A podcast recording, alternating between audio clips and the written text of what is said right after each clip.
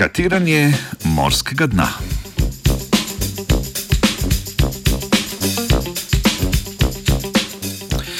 Japonska raziskovalna skupina je v zadnji številki revije SN Applied Sciences objavila članek, v katerem predlaga kartiranje morskega dna s pomočjo organizmov, ki živijo pretežno na morskem dnu. Metodo je preizkusila na navadnem in električnem skatu.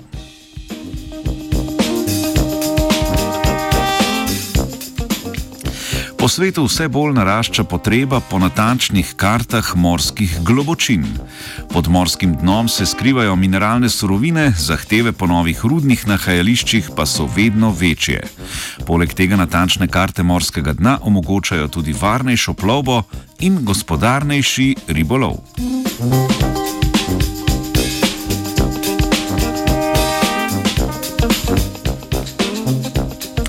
Kartiranje morskega dna trenutno poteka s pomočjo avtonomnih podvodnih vozil in z ladjami, ki s sonarjem beležijo morfologijo dna. Karte je mogoče izdelati tudi s satelitskimi posnetki in laserskim skeniranjem. Metode so sicer učinkovite, vendar je površina, ki jo je treba skartirati, ogromna. Predstavlja namreč skoraj tri četrtine zemljinega površja.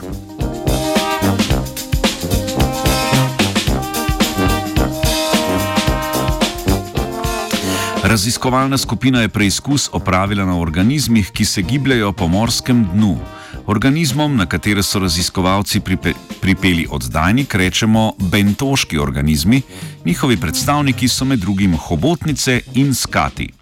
Na nje pripeti oddajnik nam sporoča njihove krivulje gibanje, ki uporabljajo obliko morskega dna. Za raziskavo so uporabili navadnega in električnega skata, ki sta razširjena po večini tropskih in zmernih morij, kar omogoča globalno raziskovanje.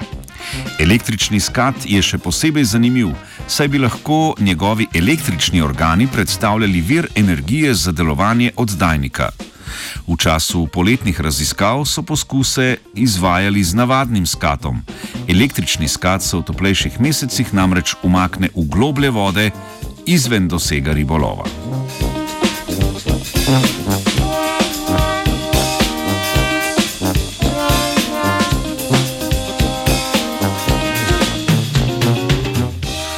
Uporabo skatov kot pomočnikov pri izdelavi karte morskega dna so sprva preizkusili v akvariju, v katerem so proučevali njihovo gibanje v ravnini in prostoru. Premike so spremljali s kamerami, lokacijo živali pa so določili s kalibracijo časovno usklajenih posnetkov.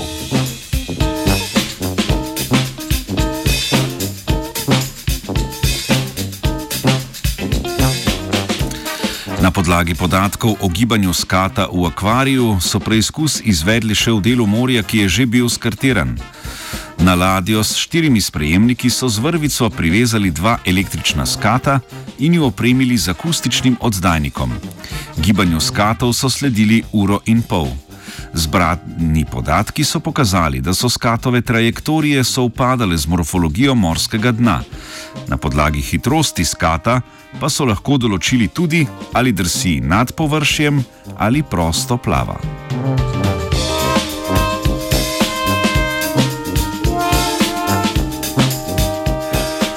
Nova metoda kartiranja odpira vrata nadaljnemu raziskovanju morskega dna in tamkajšnjega življenja.